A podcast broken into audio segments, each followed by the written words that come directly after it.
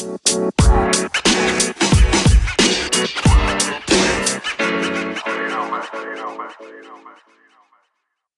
semuanya, balik lagi bersama Kimi, Gina. Ivana. Felix di TGIM. ya Another Friday. yes selamat beribadah puasa juga bagi yang menjalankan. Ya. Stay strong, guys. dengerin kita ya. Iya, kita rilis kan tengah malam bisa menemani sahur kalian. Oh, Iya, ya benar juga. Jadi nanti sambil sahur sambil dengerin podcast kita. Kita di YouTube juga ada loh promosi. Iya, Jadi mau bahas apa hari ini? iya. Jadi di hari rekaman kita hari ini tanggal 19 April, angkanya udah naik jauh ya dari ada sekitar di atas 2 juta di dunia yang kena COVID. Indonesia sendiri sudah lebih dari 6.000 orang terkena COVID. Jadi mungkin mesti tetap berhati-hati gitu kan, bukan cuman melakukan physical distancing, tapi juga kalau misalnya emang butuh keluar ya berarti mesti pakai masker. Nah ngomongin soal-soal masker nih, ada banyak banget nih pertanyaan dari pendengar. Oh, dulu kok eh, sempat di awal-awal wabah COVID ini pemerintah WHO banyak pakar gitu kan bilang yang pakai masker itu yang sakit aja, yang sehat mah nggak perlu. Nah sekarang tapi malah disuruh pakai mulai sekitar awal April semuanya disuruh pakai masker. Nah kira-kira kenapa nih kayak kok bisa kayak gini ya? Coba kira-kira kenapa gini? Kalau yang gue lihat ya di awal-awal itu pemerintah tidak merekomendasikan orang yang sehat juga pakai karena orang-orang sehat kan banyak ya jumlahnya. Kalau semuanya pakai berarti supply eh, masker untuk tenaga medis itu juga akan berkurang. Jadi orang di sana di rumah sakit yang lebih membutuhkan dari orang-orang yang sehat yang parno-parno ini, mereka jadi kekurangan masker. Nah, dibandingkan sama surgical mask, masker yang dipakai dokter di rumah sakit ya memang tidak seefektif itu. Tapi kalau misalnya dibandingin sama tidak pakai apa-apa sama sekali, tentunya lebih baik pakai masker. Makanya sekarang pemerintah tuh merekomendasikan tetap pakai masker, cuman biar nggak saingan sama yang di rumah sakit, lebih baik bikin masker sendiri. Nah ini kenapa lebih baik sih? Karena kembali lagi ke podcast kita yang pertama sama yang kedua ya, kita kan ngebahas gimana sih cara virus ini nih menyebar. Coronavirus ini semua udah sepakat bahwa penyebaran utamanya ini adalah melalui droplet. Nah, jadi droplet ini tuh bisa disebarkan oleh orang yang sudah terinfeksi. Baik waktu orang itu berbicara atau pas orang itu batuk, bahkan pas orang itu bersin itu lebih uh, risky lagi. Nah, jadi orang yang sakit itu awalnya disuruh untuk pakai masker supaya mereka tuh nggak nularin. Pas mereka ngomong sama orang yang sehat atau batuk di depan deket orang yang sehat itu mereka nggak menularkan droplet-droplet yang berisi virus itu loh. Cuman kan masalahnya ada orang yang nggak tahu kalau dia tuh lagi sakit, either karena dia asimptomatik atau karena dia belum menunjukkan eh, gejala aja. Jadi pas mereka udah terinfeksi tapi mereka belum menunjukkan gejala, mereka nggak tahu kalau mereka sakit, bisa aja pas mereka ngomong atau batuk atau bersin di sekitar orang yang sehat, orang yang sehat itu juga jadi kena gitu. Nah ini ada penelitian yang menunjukkan bahwa masker ini beneran efektif untuk eh, mengurangi penyebaran virus. Jadi ada cerita seseorang yang habis traveling dari Wuhan ke Kanada ya, kalau nggak salah. Mm-mm. Iya, iya iya. benar ke Kanada, benar. Ya, dia naik pesawat, terus eh, pas pulang dia dites, ternyata dia positif. Akhirnya kan kontak tracing. Terus orang-orang eh, 25 orang yang duduk di sekitarnya itu di dalam pesawat itu dicek semua dan nggak ada satupun yang positif. Hmm. Karena orang itu waktu naik pesawat pakai masker. Hmm. Gitu. Jadi seefektif itu ya pakai masker tuh untuk mencegah penyebaran. Iya.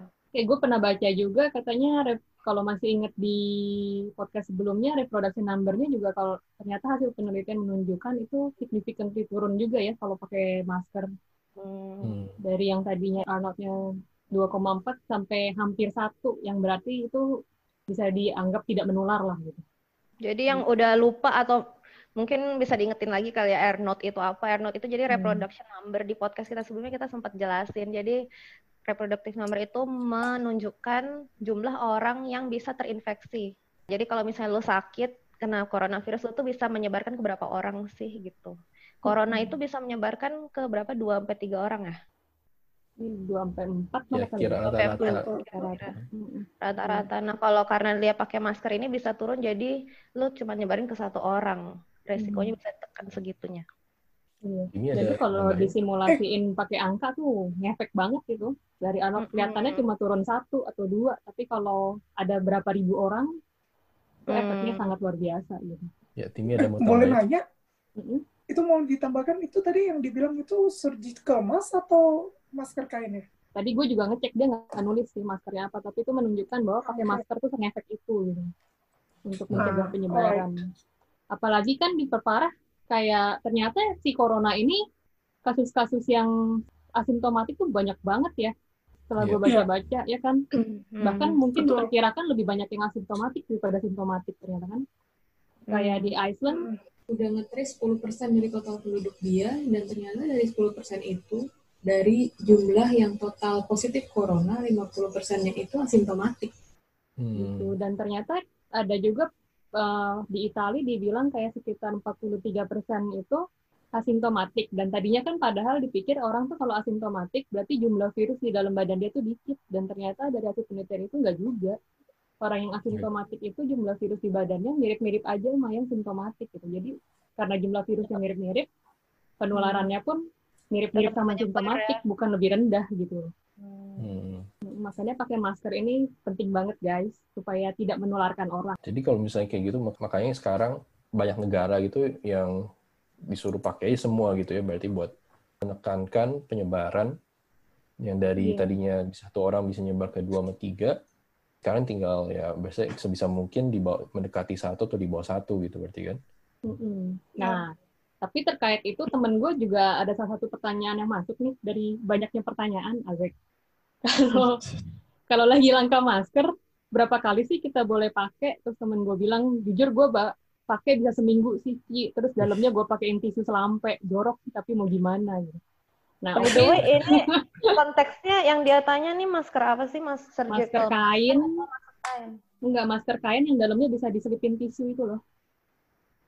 Gitu. Jadi dia Oh. kayak Hmm. ada kan beberapa masker yang ada kayak tempat Hmm. tisu yang lu bawa di tas itu. Iya, iya. ya kan terus lu tinggal selipin tisu terus tisunya diganti-ganti di dalam nah emang sih masker itu kan membantu mengurangi transmisi tapi apa aja yang perlu kita perhatiin gitu dan tahu nggak Iya, jadi kayak mungkin mau dikalifikasi dulu kali ya. Maksudnya kalau misalnya sekarang ini kan pemerintah, baik di Indonesia, di negara lain juga, yang menganjurkannya memakai masker kain gitu kan, bukan surgical mask, bukan masker yang biasa dipakai dokter.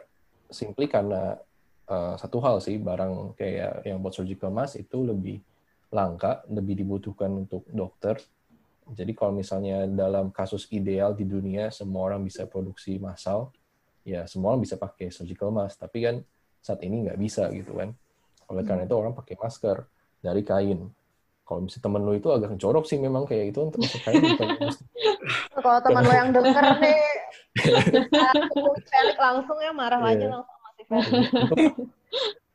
iya tapi maksud gue kayak sebenarnya kalau misalnya kalau kita baca gitu kan sekarang banyak yang anjurin pakai masker dari kain itu salah satu yang ditekankan juga ya itu sekali pakai ya mesti dicuci gitu kan ada yang bilang kan kalau misalnya pakai masker itu sama kayak pakai kolor gitu kan tiap Iya. kali pakai ya dicuci gitu lu jangan pakai uh, bolak-balik gitu kan atau misalnya pakai berkali-kali berhari-hari Oke. Tim itu yang biasanya suka pakai berhari-hari.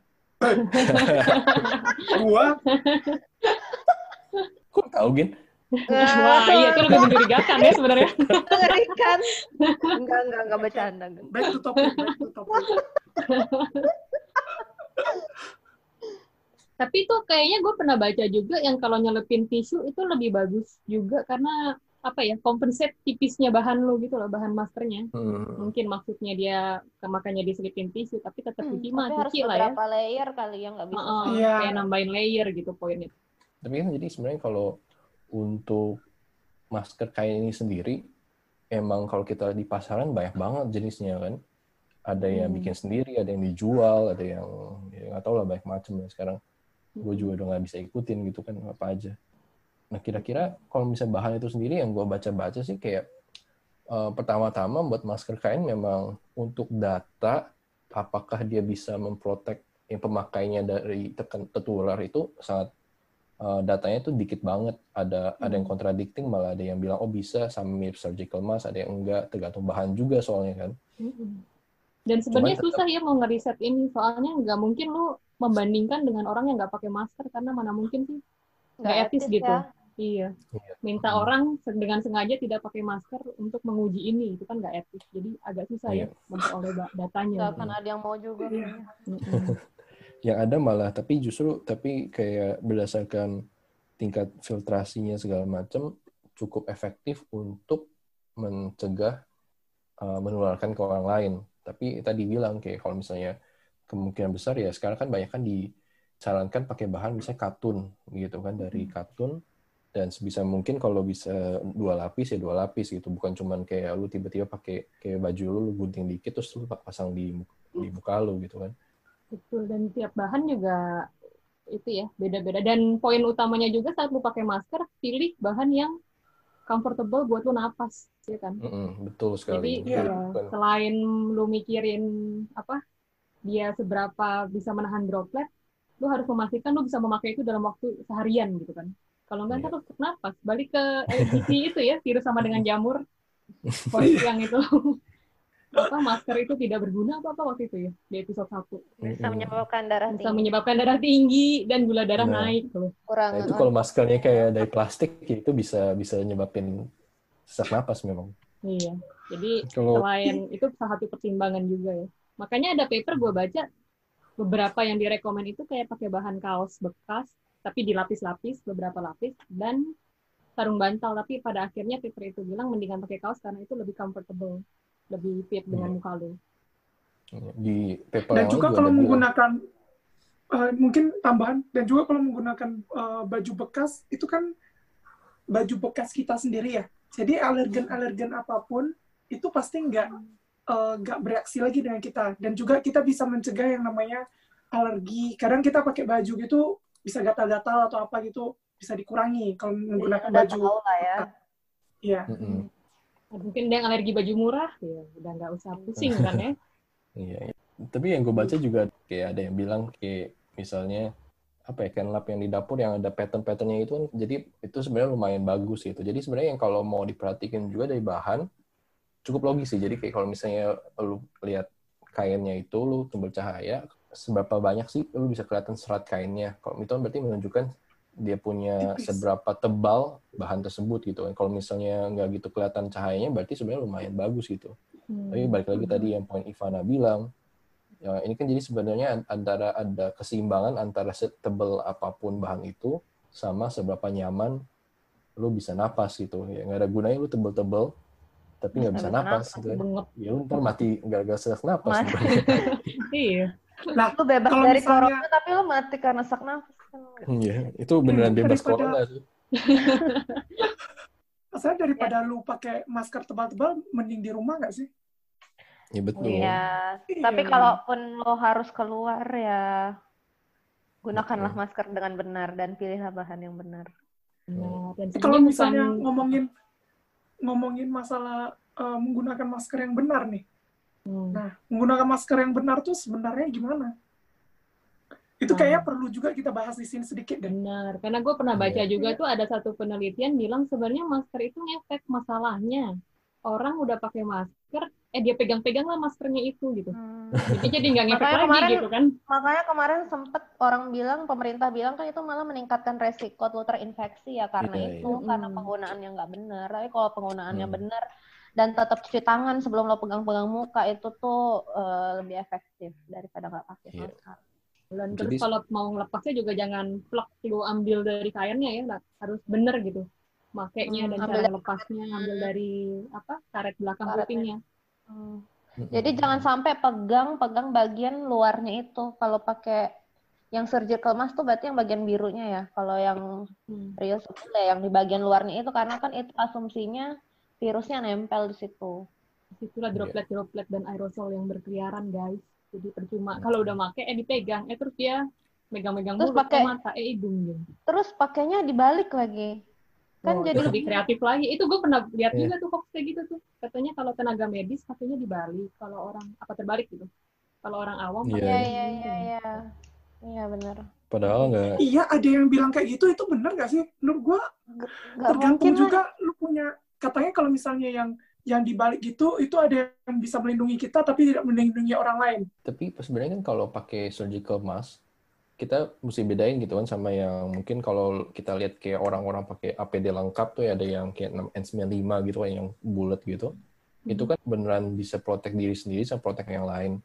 Kalau misalnya surgical mask atau mungkin masker kain yang kita pakai, yang kita dianjurkan sekarang pakai itu, itu kan lebih misalnya ada droplet-droplet dari kita nggak nyebarin ke yang lain gitu kan. Jadi bagian di dalamnya itu sendiri juga dari bahan yang bisa Hmm. menyerap Menyerap. air. Kalau misalnya bagian justru bagian yang luarnya itu kebalikannya. Kalau bisa Hmm. dia yang uh, nggak nyerap air. Jadi kalau misalnya ada droplet orang dari orang ke empel ke bagian luarnya, itu dia nggak keserap. Nah, Hmm. tapi kalau misalnya masker kain ya kan namanya kain pasti lebih bisa nyerap air gitu kan. Hmm. Itu juga salah satu alasan kayaknya kenapa juga ya diharapkan semua orang bisa pakai gitu. Jadi ketika orang bersin pun ya lebih resiko ada droplet-droplet yang bisa muncrat ke orang lain juga itu nggak lebih dikit. Mm-mm. Dan terutama kalau orang cuma ngomong biasa, yang kasus asimptomatik terutama ya, ternyata kalau orang ngomong dropletnya kemungkinan besar droplet gede ya, jadi kemungkinan besar ketahan. Ya, ya. Terus kalau masalah tadi surgical mask bisa dibalik-balik, kan sisi luar yang waterproof ya. Terus kalau misalnya dia mau makainya kebalik, gue ngebayanginnya kayaknya gerah deh susah napas nih nggak sih? Berarti kan Iya. oh kalau napas langsung kena Nggak ada yang nyerap. iya waterproof, tapi nggak nyaman. Mm-mm. Dan juga kalau misalnya kalau pakai surgical mask terus yang bagian yang bisa nyerap airnya di depan itu malah jadi lebih membahayakan elu sebenarnya kan. Benar, malah menempel lah semua itu droplet di situ ya.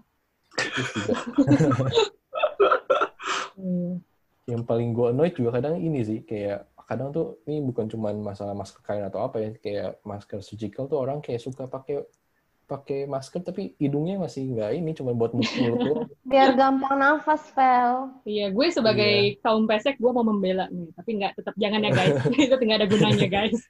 Iya. Biar pesek Ya, nggak daripada misalkan dia menutup hidung lo. Iya, Ya, jadi daripada pakai pemakaian itu mending mending pakai bra aja nggak sih? itu mah pengennya lu Timmy. tim. Iya benar. Dasarnya jelek-jelek Timmy semua. Iya. Hari ini kita bully aja Timmy.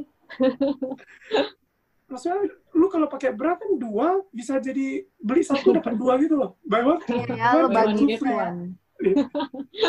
buy one get one free ya. Sudah, sudah, sudah. Anyway, Tadi kalau misalnya mau kita mengakses pemakaian masker atau mungkin kita mau bikin masker sendiri dari kain, yang perlu diperhatiin juga mungkin ini kali. Masker itu mesti bisa nutup muka, maksudnya sisi muka bagian hidung sampai pang atas hidungnya, sampai ke bagian dagu juga. Bukan cuman kayak lu tutup hidung, tutup mulut, tapi dagunya masih kelihatan gitu kan. Iya. Dan oleh kar- dan sebisa mungkin bisa fit ke elu sih, ke, ke muka lu gitu kan. Kadang ada Hmm. berapa jenis masker tuh yang benar-benar cuma ada satu ukuran dan Hmm. banyak banget bolong-bolong celah-celah dari samping gitu kan. Itu juga nggak bagus gitu.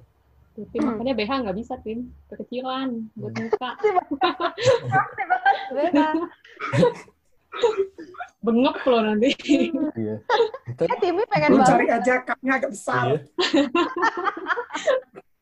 gue masih agak gue masih agak bingung sih ketika lu mau kayak gitu berarti lu mesti fit test satu-satu dong. Iya, jadi masker tuh intinya membantu lah ya. Tapi tentu Iya. saja harus dibarengi. Jangan lupa dengan effort-effort yang lain nih. Seperti physical distancing dan cuci tangan. Iya, yang jadi mungkin ada orang berapa concern kayak orang pakai masker oh tiba-tiba oh ini udah bisa protect dan malah ya berkerumun lagi gitu kan. Tapi itu Hmm. yang nggak guna juga gitu karena tadi sempat disinggung juga gitu kan kalau untuk penelitian terkait seberapa efektif ini bisa melindungi penggunanya itu masih banyak, masih belum tahu gini kan kan nggak nggak seumum memakai surgical mask atau N95 Oh. jadi lebih tujuannya tadi yang Gina sampaikan buat mencegah penularan dari diri sendiri ke orang lain gitu. Kalau misalnya tetapi tetap berkumpul rame-rame ya sama aja bohong. kayak precautionary aja nggak sih? Kayak lu sedia payung sebelum hujan. Kalau lu nggak hujan ya lu nggak salah kan bawa payung gitu. Iya. Betul. ini. Nah terkait Hmm. tadi temennya Ivana itu kan mem- memakai masker kain sampai berhari-hari gitu kan.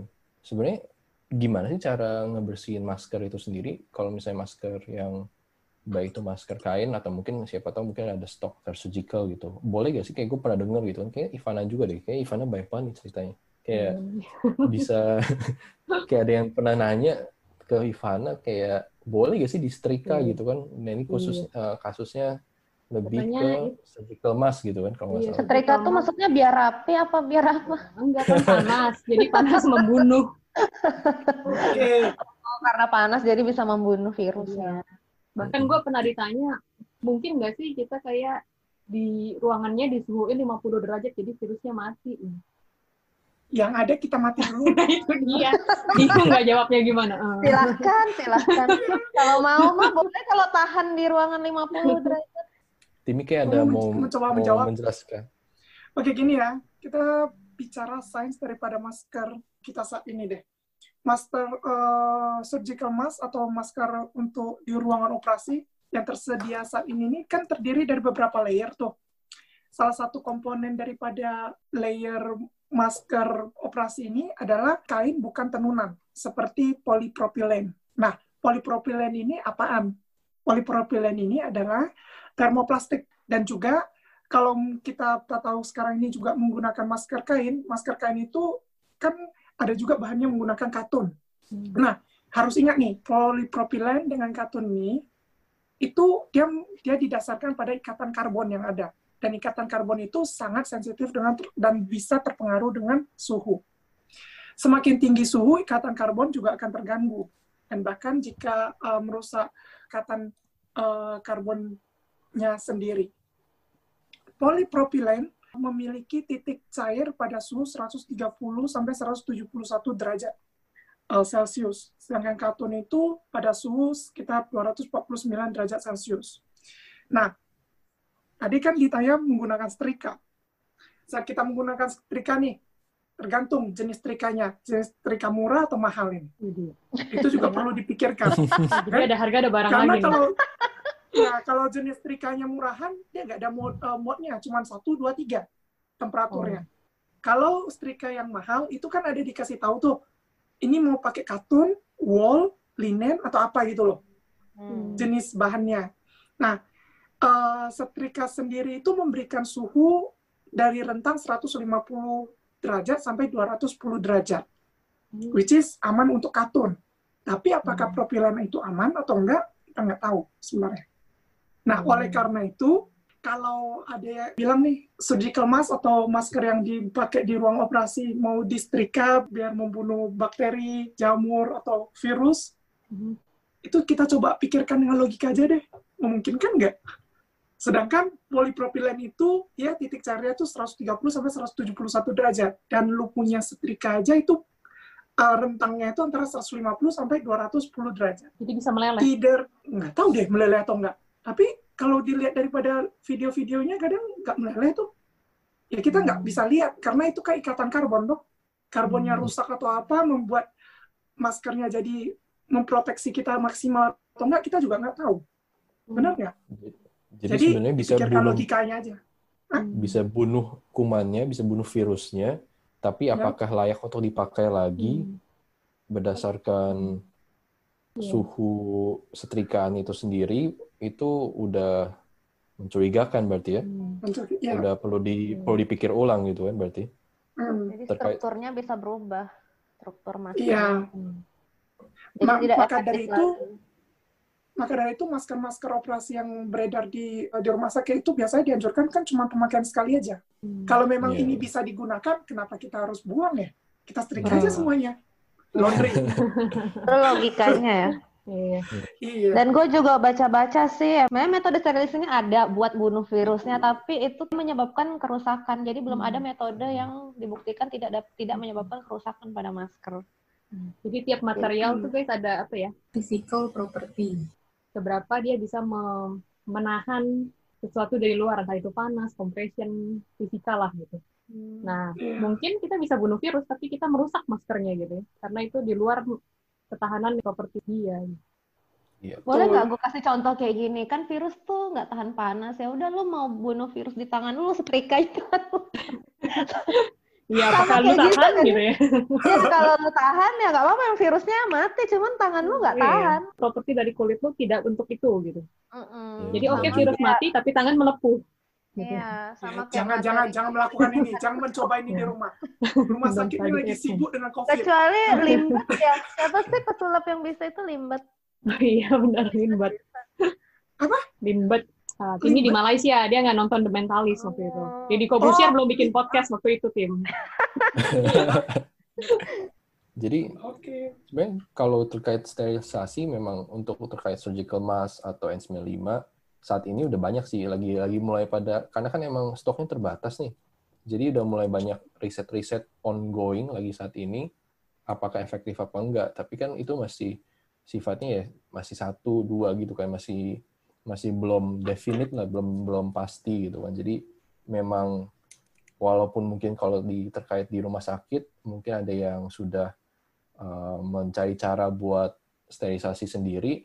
Tapi kalau untuk umum sih kayaknya nggak direkomendasi ya. Dari alat-alatnya sendiri juga kayaknya bukan alat-alat yang umum di bisa didapetin gitu kan. Jangan juga lu masukin oven ke oven buat buat bikin kue juga gitu kan.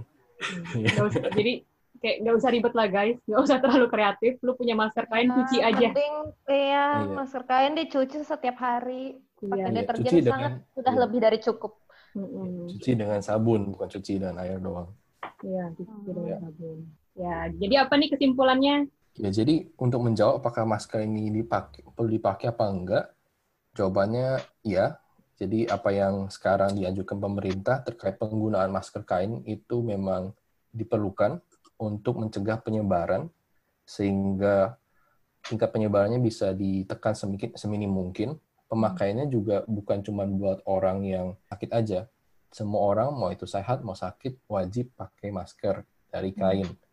Nah, cara eh, pakai masker kain ini sendiri sebenarnya setelah dipakai bisa dicuci, tapi juga eh, dengan deterjen.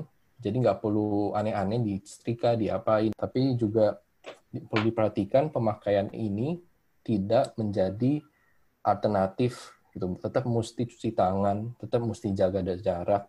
Kalau nggak perlu keluar ya nggak perlu keluar. Apalagi di bulan, bulan puasa gini, bentar lagi lebaran ya sebisa mungkin juga banyak kan kayak orang pengen oh pas lebaran secepat mungkin lah ini bisa reda gitu kan. Jadi dengan apa pun cara buat mengurangi penyebaran ya sebisa mungkin kita bisa jalankan dan tetap stay safe, stay healthy. Ya, boleh kri boleh kreatif tapi harus kritis ya, guys. Ya, terus Oke. buat yang berpuasa, selamat, Selamat berpuasa. Selamat Berpuasa. Ibadah puasa. Iya. Iya. Semoga lancar. Semoga barokah. Semoga barokah, semoga lancar, semoga nanti pas lebaran ini sudah berakhir. Amin. Yes. Amin. Amin. Jangan lupa juga subscribe di channel-channel sosial media kita. Kita bisa didengar di Spotify. Kita juga udah ada akun YouTube. Dan yang terbaru ada Instagram di TGIF Hoaxbusters. Disambung jadi TGIF Hoaxbusters. Pakai S belakangnya. Pakai S. Nanti Ya. kita tulis di deskripsi ya alamat. Jangan lupa follow. Jangan lupa bunyikan loncengnya, Follow, klik like. bunyikan loncengnya, like. Iya. Udahan yuk, udahan. Oke, see you next week guys. Bye. Bye. You know, man. You know, man. You know, man.